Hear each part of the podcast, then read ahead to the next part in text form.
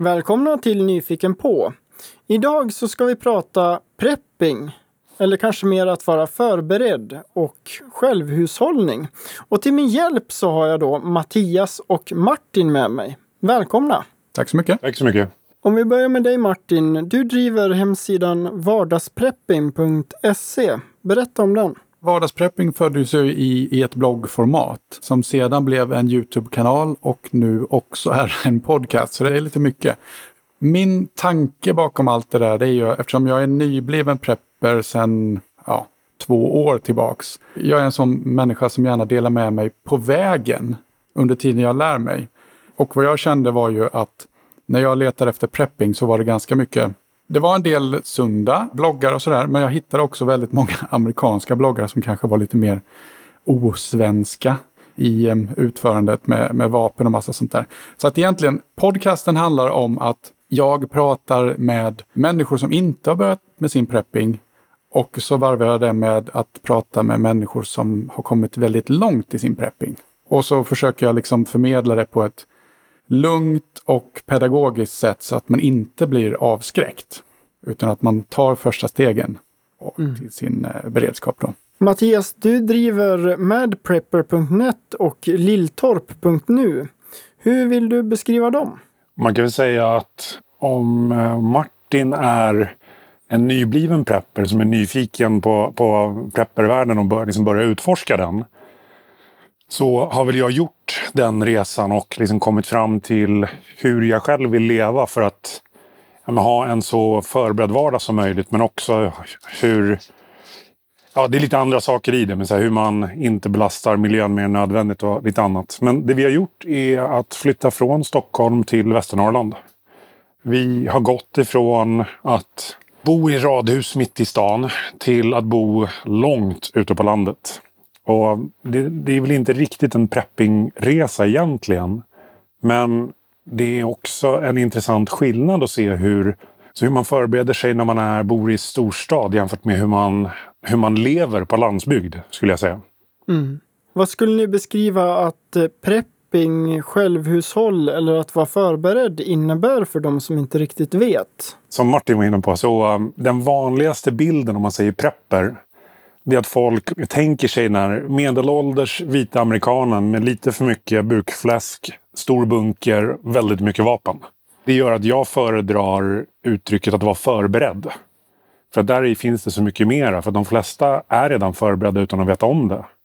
Men sen finns det ju också i Sverige någon form av nationalromantisk variant av att man så fort det blir ett problem så ska man springa till skogs och lösa problemen där. Och den som vill prova på hur det är att leva i skogen får jättegärna komma till mig nu. För vi har minus 13 och det är rimfrost överallt. Så det går inte att tända en eld utomhus. Marken är fryst och sjöarna är frysta. Där kan man prova att överleva om man vill. Så kallat utmanande väder. Mm.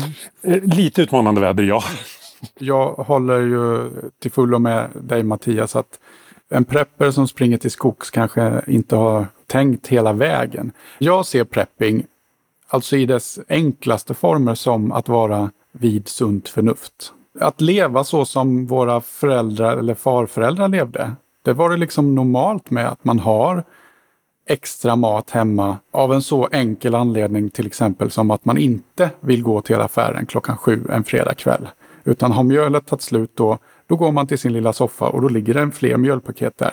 Det är väl eh, enkelheten. Men sen, sen tycker jag också när man, när man pratar beredskap eller förberedelse så, så kan man gå ner på så basala, enkla saker som att det är ju bra att vara förberedd om man till exempel blir sjuk. Eller blir av med jobbet. Det behöver inte vara ett massivt eh, elavbrott eller kärnvapenkrig. Utan beredskap eller, eller att vara förberedd är ju det är väldigt enkelt. Det håller jag verkligen med om. För att de flesta när man pratar förberedelse, då tänker de, lite roligt, men de flesta pratar ju direkt zombieapokalyps, kärnvapenkrig och så vidare. Men jag brukar säga att det finns några stora saker som vi behöver vara förberedda på. Det är kanske till exempel en pandemi. Det har ju hänt nu, men det har jag pratat om i kanske tio år. Mm. Men vi behöver också vara förberedda på vardagens små trösklar och hinder och trampminer. Jag menar, säg att det börjar brinna hemma. Vad gör man då? Mm. Då tycker jag att det är ganska vettigt att vara förberedd med brandfilt, brandvarnare Och en möjlighet, i alla fall en plan. Så här, vart ska jag bege mig om det börjar brinna? Mm. För det händer ju ganska ofta. Man kan ta också de här stora skogsbränderna vi har haft i Sverige. På landsbygden så blir det ju liksom, livet hotas ju. Men det är i princip det som skulle få mig att lämna hemmet snabbt. Det, det, jag ser väldigt få andra. Det, alltså, nu bor vi så att det inte är, blir översvämning här. Men bor man i ett översvämningsområde så är det också en större katastrof som skulle kunna hända.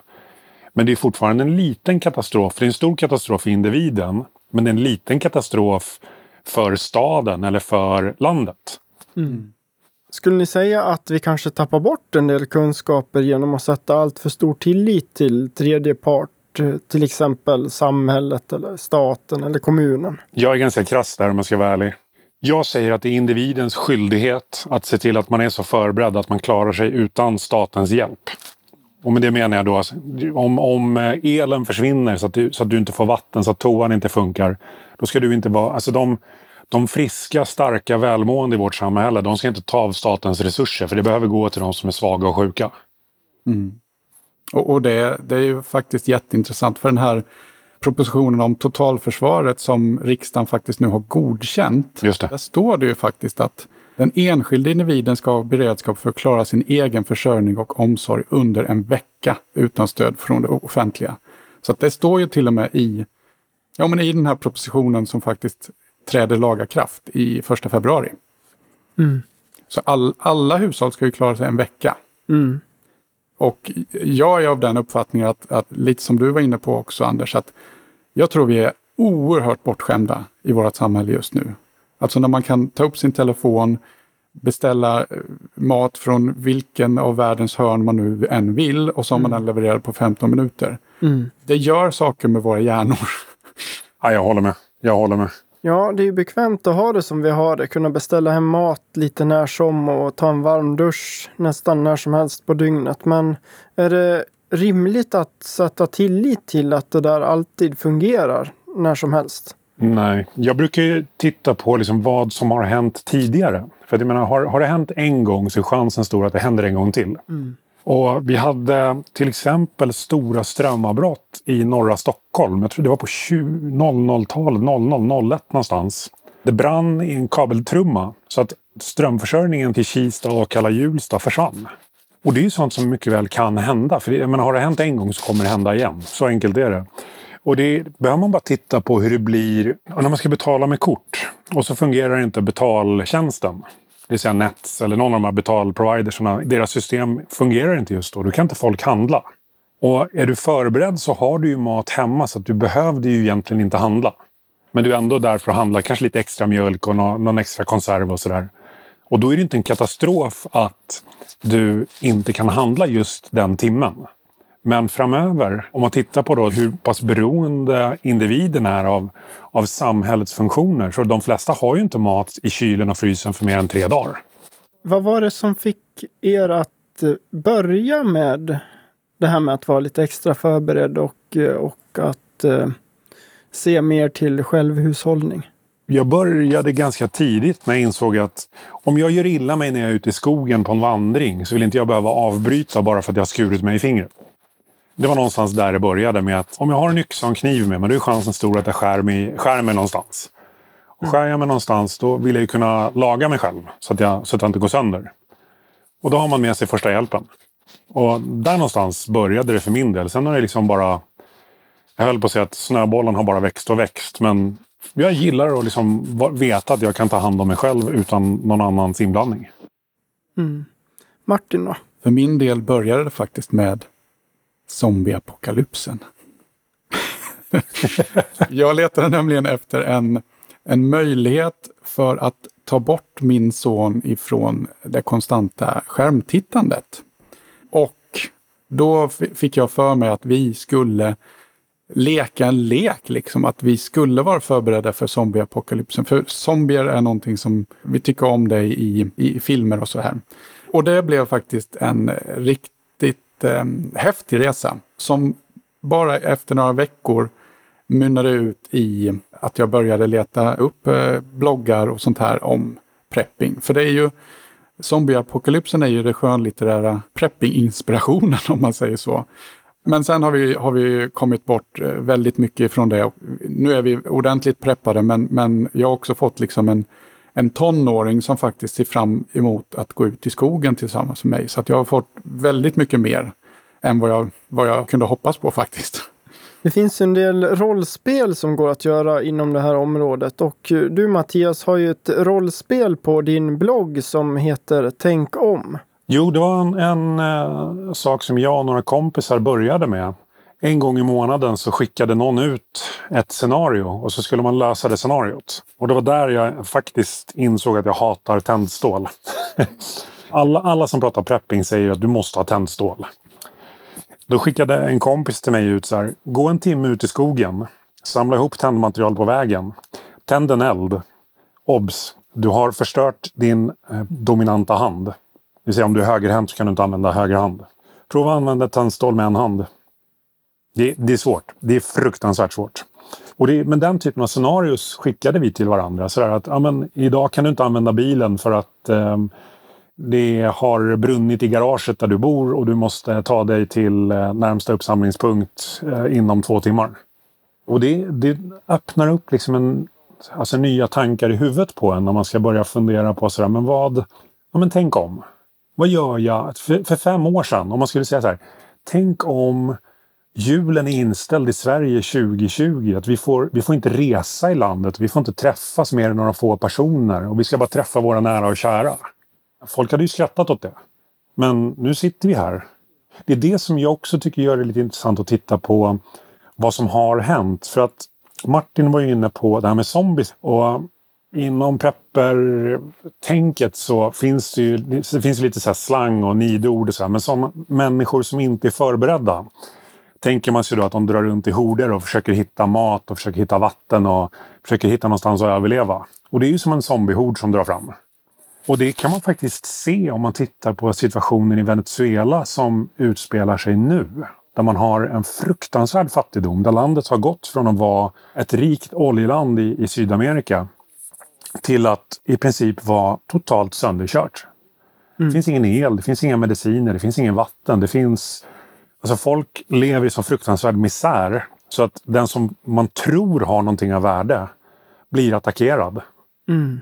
Det finns ganska intressanta klipp där från några köttbönder som faktiskt blir anfallna av en zombiehord. Det vill säga hungriga människor som inte har några andra vapen än, än eh, grenar och stenar och som slår ihjäl en ko. Då förstår man liksom hur hungriga de här människorna är. Hur öppen ska man då vara med sin prepping med tanke på att alla inte är med goda avsikter och kanske speciellt inte i en kris? Alltså jag har ju alltid varit öppen med vår prepping och mitt namn är hyggligt lätt att söka på i Sverige för det finns bara jag som heter så i hela Sverige. Och jag tror att eh, det är nog samma sak för, för Martin här att när du är förberedd, om du bor i ditt hem, du sover bra i din varma säng, då har du varmt hemma, du har mat att äta, du har vatten att dricka, du har mediciner. Troligen har någon form av våldskapital också. Att då någon ska komma och råna dig i, liksom i, i ett upplopp det, det låter väldigt osannolikt. Det låter ännu mer osannolikt att någon ska sitta och kartlägga vart det finns preppers för att sen i, när det har blivit kris och vi kanske har brist på drivmedel, då ska de åka runt i Sverige och så råna preppers. Mm. Ja, ja, jag vet inte. Jag köper inte det. Nej, och, och jag menar, jag, jag tycker det, det är ju viktigare att, att prata om beredskap med sina nära och eh, kära, höll jag på att säga, men mm. med de som inte är förberedda, än att hemlighålla det. För att ingenting slår i känslan när man kan påverka någon till att ta första steget. Exakt. Det kan man inte göra om man, om man är en hemlig prepper. Utan, utan jag tycker det är mer värt att se till att de du tror skulle bryta sig in, det är bättre att de själva är förberedda. Sen kanske ja, det är lite naivt. Det kanske är lite naivt att tro att man kan påverka alla. För det, jag menar, det kommer alltid finnas de som är elaka, om man ska kalla det så. Men de kan du lika väl råka på på gatan nu idag. Och att de rånar dig av någon annan anledning. Så att, nej, jag, jag ser ett, ett, större värde i att sprida budskapet så att, så att fler är förberedda. Än att liksom bygga en hemlig bunker. Mm. Ja, jag håller med dig. Jag ska jacka in i det också. För att det du sa där med att påverka andra, det tycker jag är så otroligt roligt att göra. Mm. Vi började odla när vi bodde i, i Västra Haninge förut, söder om Stockholm. En liten, liten radhustomt, typ fyra gånger sex meter. Där satte jag upp pallkragar och så började jag odla. Eller jag och min fru började odla. Vi odlade squash och potatis och ärtor och, och majs och lite annat. Och första året så kom folk bara, vadå, är du mandelmann eller? Huhu. Sådär. Och grannarna tyckte väl också att det var mest roligt och sådär. Och sen fick de lite potatis från oss och så fick de lite squash från oss. Och nästa år, då började de också odla. Mm. Mm. Men jag odlade inte med syftet att påverka dem att de skulle vara preppers. Utan att jag odlade för att jag ville prova på det, för att lära mig saker och för att det är ganska trevligt att liksom skapa sin egen mat. Och sen Mm. spred det sig som ringar på vattnet. Martin, du bor i Stockholmsområdet och Mattias bor i Västernorrland. Vilka skulle ni säga är skillnaderna att vara förberedd på landsbygden eller på en mindre ort i jämförelse med storstad? Jag tror Mattias kan börja för, eftersom du både bott i Stockholm och nu inte bor där. Ja, lite sådär upplagt, men du får gärna avbryta mig. Jag skulle säga att en gigantisk skillnad, eller nu ska jag säga två jättestora skillnader, men den ena är avstånden och vad det medför. Och den andra är att man känner sina grannar. Så jag börjar med den, att man känner sina grannar. För att här hjälps folk åt. Om det är någon som får problem då, då kommer någon och hjälper till. Och är det någon som behöver hjälp så säger man till. Och så man känner grannarna, man vet vilka de är, man fikar med dem och sånt. Det, det är sällan man gör det i Stockholm. Mm. Sen har vi avstånden som gör det lite intressant för att jag bor två mil ifrån närmsta samhälle. Och närmsta samhälle är då en liten by med, med 900 invånare. Och det gör att vi måste ju ha drivmedel hemma för det går ju inte att vi får soppatorsk på vägen. Vi måste ha batteriladdare, vi, vi måste ha motorsåg. Alltså allting sånt här som att det faller träd över vägen här, det är ganska troligt. Mm. Och då ringer inte vi, ehm, jag höll på att säga Trafik Stockholm, för de ringer vi definitivt inte. Men vi, ring, vi ringer inte lokalradions ehm, trafiktjänst och så här ber dem att de ska komma och skicka en bil. Men det gör man i Stockholm. Här lever man ett liv där man löser problemen. Mm. Medan jag i Stockholm tycker att man mer låter andra lösa problem. Ja, och, och jag, jag befinner mig ju i, i prepping-hänseende i den absolut sämsta positionen man kan vara. Och det är ju i en lägenhet inne i Stockholms storstad. Och jag menar, det är ju en utmaning i sig att vara lägenhetsprepper i form av, av eh, utrymmen och har sina konserver i och sådär. Men jag har lagt märke till en sak. Om jag ska klara mig en vecka i Stockholm utan eh, någon som helst hjälp ifrån ja, staten, om man ska kalla det så. Mm. Så har jag sett att personligen så kommer jag få stora problem med vattentillförsel om inte det funkar. Närmsta vattendraget är ju kanske då 300 meter härifrån, men det är ju bräckt vatten så jag kan inte använda det. Och, och det tycker jag är också någonting som är jätteintressant med prepping, att när man börjar tänka efter så kommer man på så mycket saker som man inte har tänkt på. Mm. Och det tycker jag är en skön resa i, i att utveckla sig överhuvudtaget. Men jag skulle säga att även om jag tycker att vi har det bra rent eh, preppingmässigt, men vi kan ju inte eh, Alltså skulle det bli en, en sån här apokalyps då, så skulle vi inte kunna bo kvar i Stockholm. Det tror jag inte, utan då, då skulle jag nog mer avundas Mattias situation, där man har tvingats att vara, Mm. ja, klara sig själv. Självhushållning. Ja, självhushållning. Det är ju bättre att vara förberedd på det sättet. För min del så handlar det mer om att jag har grejer så att jag klarar mig i en eller två månader kanske. Men sen, ingenting. Mm. Jo, och det där tycker jag är jätteintressant också för att många som börjar med prepping, de börjar ju med den här krislådan och ett stormkök och, och lite vattendunkar. Men efter de här tio dagarna då? Vad, vad ska hända då? Eller de här sju dagarna som försvarsproppen nu, nu pratar om. Mm. Vad händer då? För det är efter sju dagar, det är ju inte någon som kommer komma och liksom lösa alla problem i hela världen. Vad finns det för strategier för att lägga upp både en kortare men även en långsiktigare plan? Där tycker jag Martin var inne på en bra grej med vatten framför allt. För att om man tittar på, återigen, vad har hänt tidigare? Har det hänt någon gång tidigare att det har varit avföringsbakterier i dricksvattnet så att medborgarna behöver koka vattnet? Mm. Ja, det händer ganska ofta. Det, det, 2019, 2018 hände det märkligt ofta, men det, det är en annan sak. Men det kommer ganska ofta sådär att om nu är dricksvattnet i den här orten förorenat. Så att, att vattnet kommer gå att inte dricka om man säger så, det, det kommer ju hända. Så det är väl rimligt att liksom tänka sig för en extra gång. Nu kommer vi in på lite, lite mer sån där teoretisk prepping, men, men när man läser på och framförallt då till exempel i början av pandemin här nu när, jag vet inte om ni minns, men när eh, jag tror det var MSB som gick ut och sa att vattenreningen kan bli lidande av den här pandemin för att, för att de kemikalierna vi importerar kan, eh, ja, de kan fastna någonstans eller det kanske inte kommer till vårt land. Om man bara tänker efter lite sådär så är ju rent vatten vid en källa är ju extremt viktigt istället för att lita på det som kommer ur kranen. Men eh, MSB fick ju ta tillbaka det där ganska fort och säga att det inte var så, har jag för mig. Ja, det, jag, jag håller med. Alltså det, det var ju rent teoretiskt och så baserat på... Det, det finns ju massa så scenarios som är framtagna av eh, ja, det som en gång i tiden var civilförsvaret. Mm. Men även Försvarsmakten. Så här, vad händer om? Mm. Eh, och det kan man väl titta på sådär alla möjliga sätt. Men jag tycker att för gemene man så är det ganska vettigt att tänka sig så här, vad kan hända som påverkar mig på en dags sikt eller på en veckas sikt? Mm. Är det vettigt att ha en första förbandslåda i bilen? Kanske, kanske inte. Är det vettigt att köra med säkerhetsbälte? Jag menar säkerhetsbältet behövs ju bara när man krockar och hur ofta krockar någon? Det är ju inte så ofta, så att då, då behöver man inte säkerhetsbälte heller. Eller så har man tänkt efter så här, jo men jag behöver nog ha säkerhetsbältet innan så att när jag väl krockar så är jag säkrare. Mm. Eller eh, hemförsäkring, det är också en sån sak. Mm. Mattias, du nämnde ju en intressant sak där innan vi började spela in, att det är som att vi kanske tittar väldigt mycket bakåt, vad som har hänt, men inte vad som skulle kunna hända. Lite provocerande kanske för vissa, så skulle jag säga att Sverige är fredsskadat.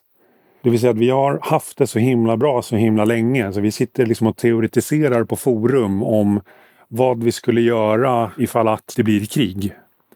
Det är liksom, ingen som kommer ihåg hur det är när det är krig. Och det gör också att Sverige generellt sett, jag ska inte säga att allting är så, men är väldigt duktiga på att agera efter någonting har hänt. Vi har ingen stabil organisation som kan hjälpa i form av storm till exempel. Jag tänker på, på stormen Gudrun. Jo, vi har hemvärnet, men det, det, är en annan sak. Vi har ingen, ingen civil skyddsstruktur som, som hjälper dem som är, som är i problem. Vi har haft bränder tidigare i, i Sverige. Skogsbränder, ganska stora skogsbränder. Mm. Om en sån skulle dra in i Stockholmstrakten så skulle det ju bli ganska intressant. Jag tänker de södra delarna med Tyresta och, och Nacka, Nackareservatet och de skogarna. Och man kan titta på liksom vad som har hänt och fundera på hur skulle det här påverka mig om det faktiskt hände? Till exempel bor man i lägenhet och bor på bottenvåningen så kanske man behöver tänka sig lite för vad gäller toaletten. I och med att trycket i ledningarna vid en kris kan komma att försvinna och även avloppspumparna kan sluta funka i händelse av kris. Då kan det bli lite tråkigt för den som bor längst ner i huset när, när folk börjar spola för att då kommer inte skiten bokstavligen åka någonstans utan den kommer komma farande ur toaletten. Mm. Så det finns en hel del att tänka på just när det gäller sådana saker. Så där, och som, som du var inne på där Martin, att men en vecka i lägenhet. Bara sådär, ta en, en, en enkel sak. Som att vad, hur gör man sina toabehov? Om jag är nybörjare och vill börja preppa och vara mer förberedd, hur ska jag prioritera och vad ska jag tänka på? Väldigt många av mina poddavsnitt har handlat om det. Jag brukar intervjua människor som inte har kommit igång med preppingen eller inte kommit så långt. Och det absolut, det, det vanligaste svaret är ju köp vattendunkar. Men jag skulle vilja säga så här, se till och precis som vi har varit inne på flera gånger här, se till att tänka efter först. Vilka är de realistiska kriserna som just du som individ kan råka ut för? För liksom, bor du i Stockholm, i innerstan, nej, en skogsbrand lär du nog inte vara med om. Men du kanske får vara med om effekten av en. Men det blir ju en extrem teori där. Istället, jag tycker man ska börja sin prepping med det som är relevant just nu. Pandemin, Okej, okay, mm. vad händer nu? För vi ser ju att, att regeringen stänger ner eller rekommenderar nedstängning av vissa mm. funktioner. Eller rättare sagt, mm. Mm. man drar ner på dem. Vad händer när svenska folket fortfarande inte lyder? Mm. Och vad händer då när regeringen tar ett krafttag och säger okej, okay, men nu stänger vi alla eh, shoppingcenter. Mm. Hur ska du hemma då klara av det här? Det är väldigt mycket mentalt. Mm. Och det är också ett eh, resursbehov som du behöver tänka på. Okej, okay, man behöver inte gå till Mall of Scandinavia för att köpa konservburkar, jag vet det. Men ta realistiska små kriser och gärna sånt som har en verklighetsanknytning just nu i, i ditt liv. Och så börja, för då kommer du dessutom inte lösa ett befintligt problem, men du kommer vara förberedd på det som faktiskt händer just nu.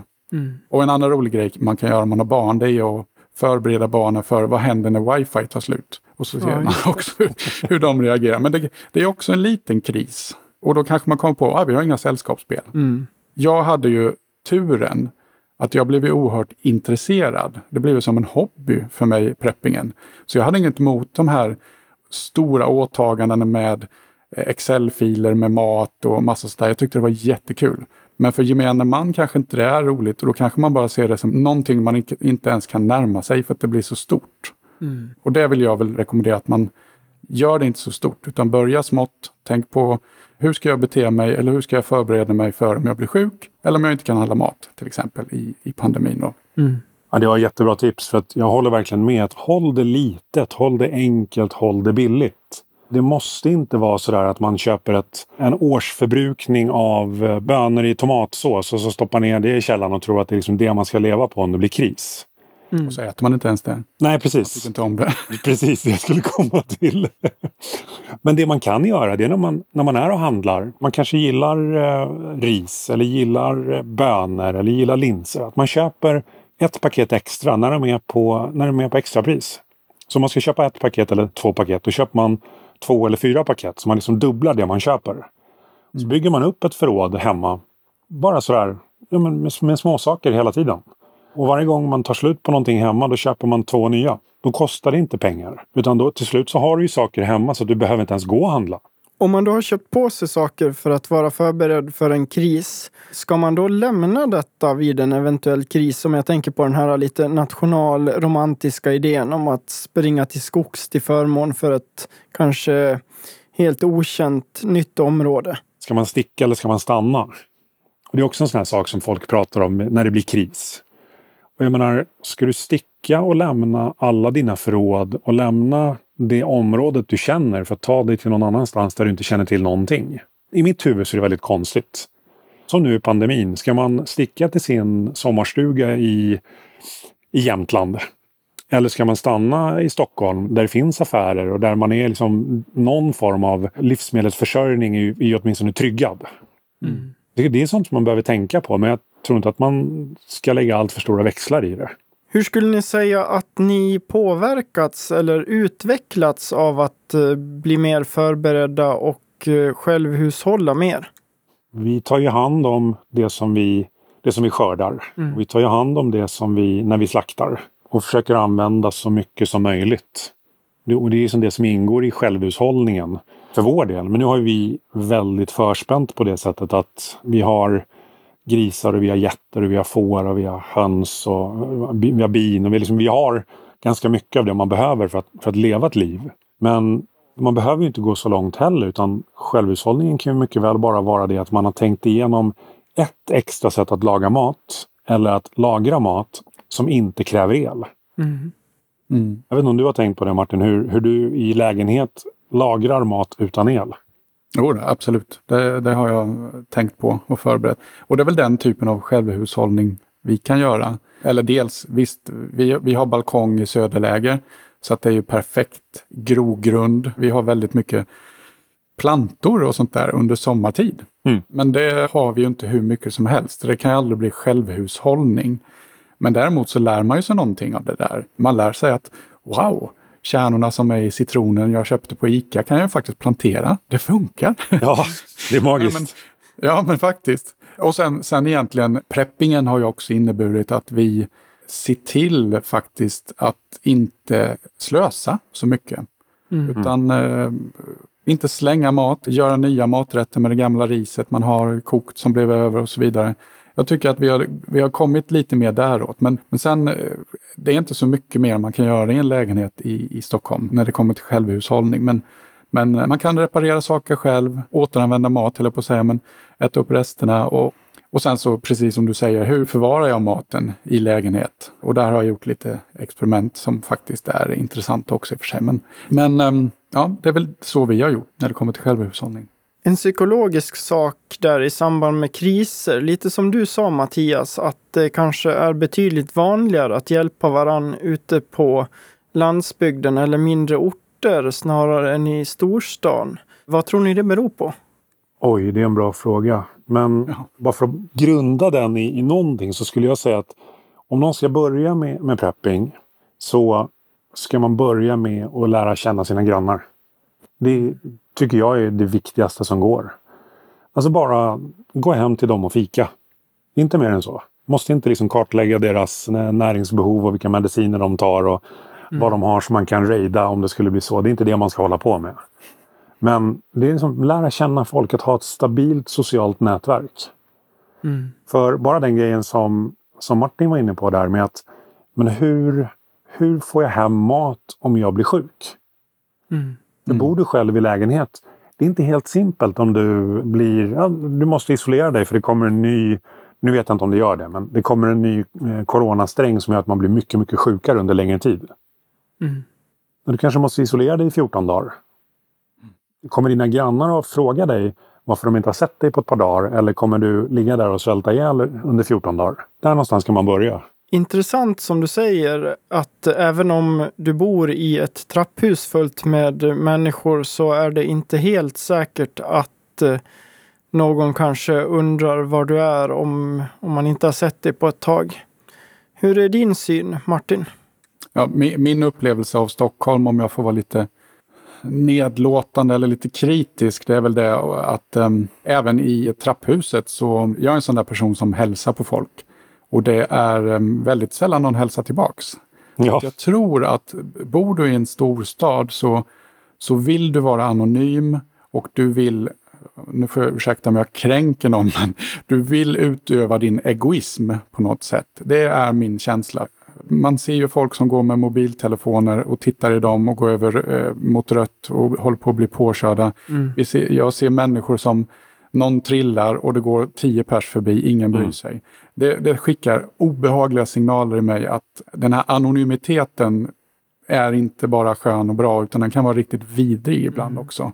Så jag har inte jättestor förhoppning om att, lek med tanken att eh, elen försvinner i Stockholm i två veckor, så tror jag inte att man samlas på något torg och sjunger We shall overcome, utan då kom, tror jag det kommer bli, bli en jag tror folk kommer luta åt det egoistiska på något sätt. Och sen säger jag inte att vi kommer börja råna varandra och sånt där, men jag tror att jag vet inte. Det är bara en känsla jag har. Och det, det är jättemånga som säger emot mig och säger nej, så är det inte i kriser. Men jag kan ju bara se vad, jag, vad min upplevelse är idag och dra mina egna slutsatser ifrån det. Men jag menar inte vara någon dystopisk människa på det sättet nu. Men, men ja, det är lite av den känslan jag har från storstaden. Då.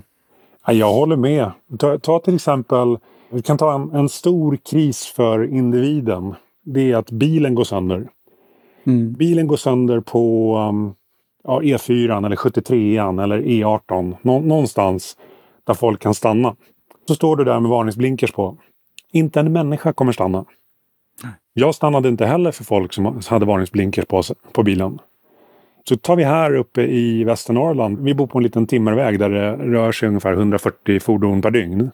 Mm. Och står man med, med, bara blinkers in till sidan av vägen och går vid bilen. Då stannar folk och ropar så här. Är du okej? Okay? Behöver du hjälp? Mm. Så det, jag tycker det säger en sån otrolig skillnad på hur liksom, attityd i hur man hjälper folk och hur man, hur man liksom, tar emot hjälp också. Jag mm. tänkte på ett psykologiskt fenomen som jag har grubblat på och som skedde i samband med terrorattacken på Drottninggatan.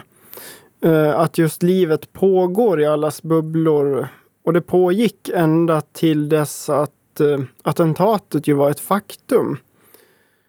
Och Eh, det var just att när det här skedde så trädde ju samtidigt en annan sorts eh, uppmärksamhet och omsorg fram.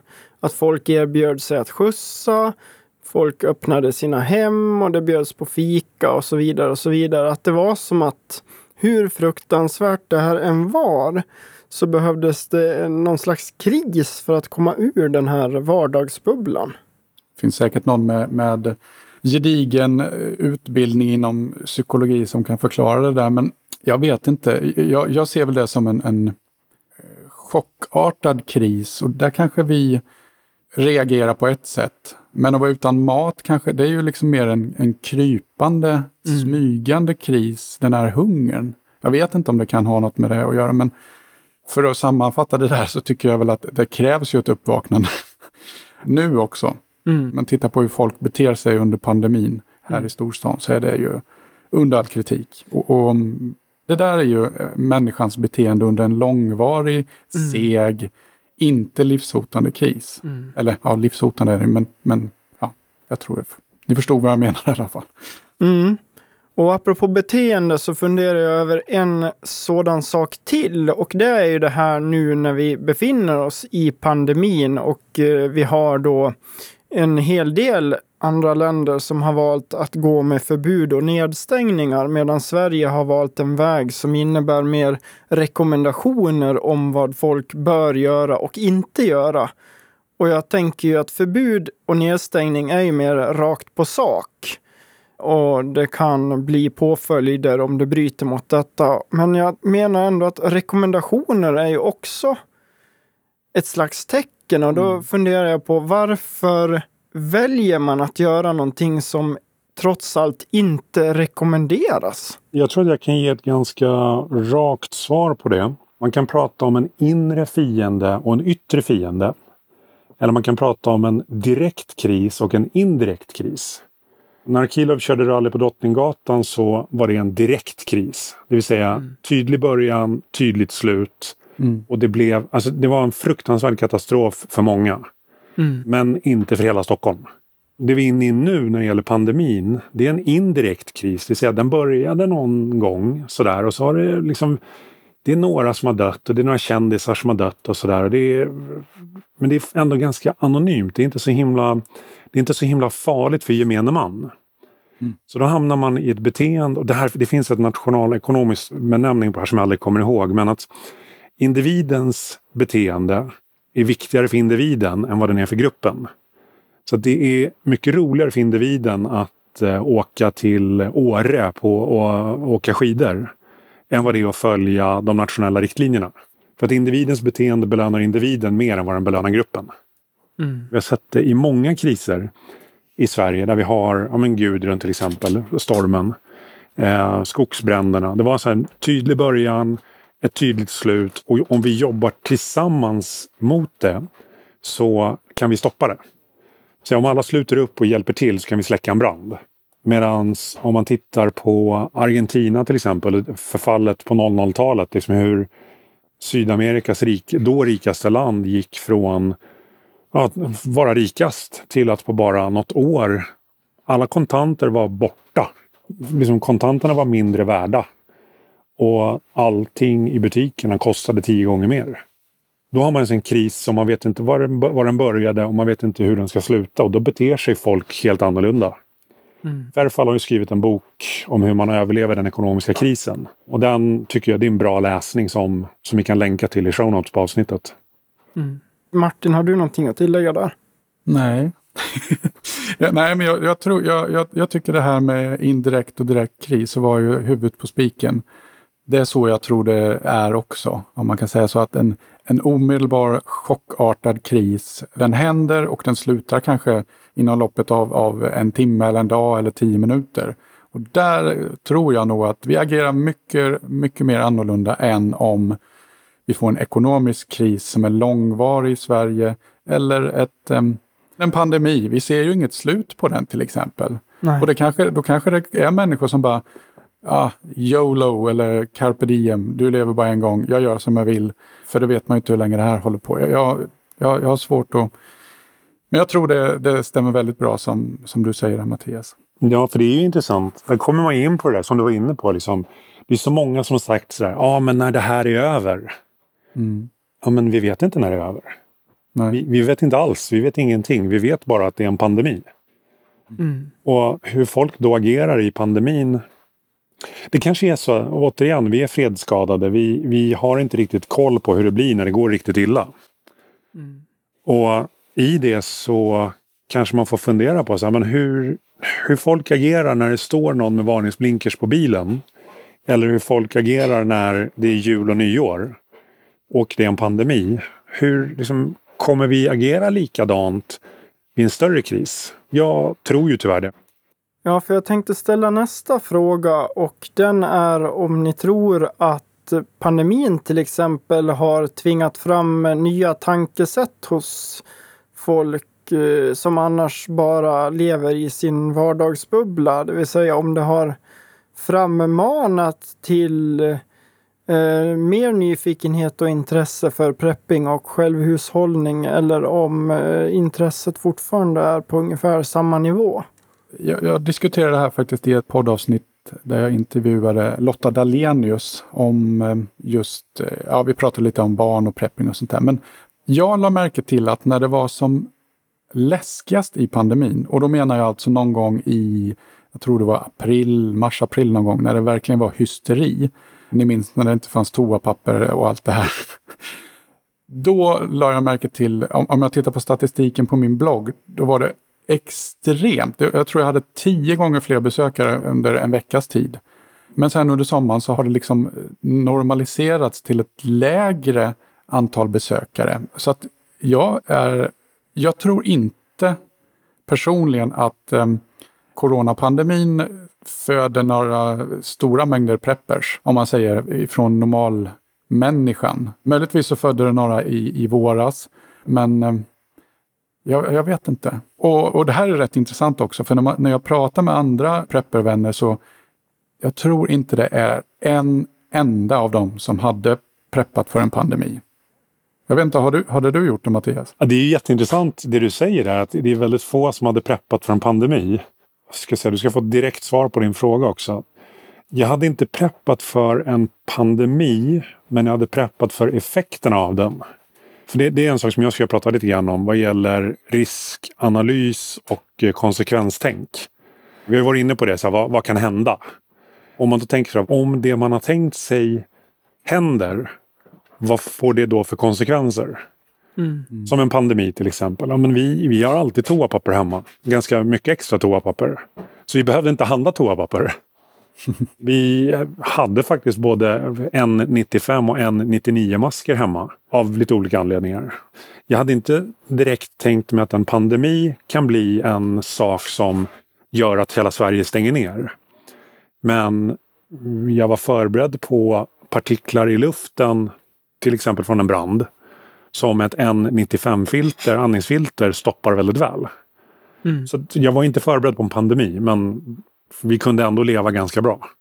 Mm. Och det är intressant, för det är, ska man då förbereda sig för specifika scenarios som man tycker är mest troligt. Då kanske man missar som en pandemi. Om man har förberett sig för strömavbrott, att man ska bli av med jobbet och att uh, bilen går sönder. Mm. Då är det fortfarande inte, då är det fortfarande inte toapapper hemma. Så det, jag tycker det är viktigt att man sträcker ut den där frågan lite grann och ser sådär man kan göra en jätteenkel övning med sig själv. Att man sätter sig ner och så tar man ni vet, post-it-lappar och så kör man en, en sån övning med sig själv. Fem minuter då man skriver ner alla olyckor och kriser och risker man kan komma på. Mm. Och efter de fem minuterna då tittar man på de här lapparna och så tar man ytterligare fem minuter. Och så sätter man ihop de lapparna med vad det är jag tror är mest troligt och vilka är mest lika. Så troligt och lika. Och de sen kan man ju då se så här, okej okay, vad får det för konsekvenser? Ja, jag kanske blir av med jobbet, ja, men då behöver jag ha mat hemma, jag behöver ha toapapper hemma. Elen kanske försvinner, jag behöver ha lite ljus hemma, någon ficklampa. Så får man liksom en lista med saker som täcker det som man själv tror är mest troligt eller har störst effekt på ens liv. Mm. Det är en ganska bra början. Sen kan man liksom jobba vidare på den. Om man nu tar steget och bara börjar alltså på ett sätt, börjar man med de här sju dagarna, mm. då har du en grundberedskap i alla fall som du kan, precis som du säger, som man kan bygga på. För det går ju inte att vara förberedd för allt som kan hända. Nej. Rätt som det är så dimpar det ner ett UFO. Ja. Aliens och då har man inte förberett för det. Eller ja, vad det nu kan vara. Men, men jag tror att just om man skulle vara en sån prepper som har förberett för elavbrott. Då är det så skönt för då behöver du bara komplettera. Mm. med mm. andningsmask eller skyddsmask och toapapper då. Precis. Mm. inför pandemin, om nu toapapper är så viktigt i det här fallet. Men så det är väl det viktigaste, att man börjar någon gång, tycker jag. Mm. Ja, definitivt. Där blev jag, jag blev lite besviken när de presenterade årets julklapp. För det blev ju stormköket. Mm. För, att, för mig, ett stormkök, det är väldigt individuellt. Alltså det är en person har ett stormkök. Det kanske kommer från upplevelser med, med Försvarsmakten och sådär. Men det, är liksom, det är en sak som du har själv. Och de som har försökt laga mat till fyra, fem, sex personer på, på ett stormkök, de vet vad jag pratar om. att Det går liksom inte. Men det var- du har sagt det flera gånger. Jag tänkte jag ska trycka lite extra på det. Det är så här, om strömmen går så blir det ganska tråkigt. Om du måste isolera dig själv så blir det ganska tråkigt. Om du inte tar det någonstans, då blir det ganska tråkigt. Att ha till exempel eh, två kortlekar och boken Kortoxen eller någon annan sån bok som har massa kortspel i sig. Superbra! Och ha sällskapsspel hemma som funkar för två personer eller för tre personer eller för fler personer. Superbra!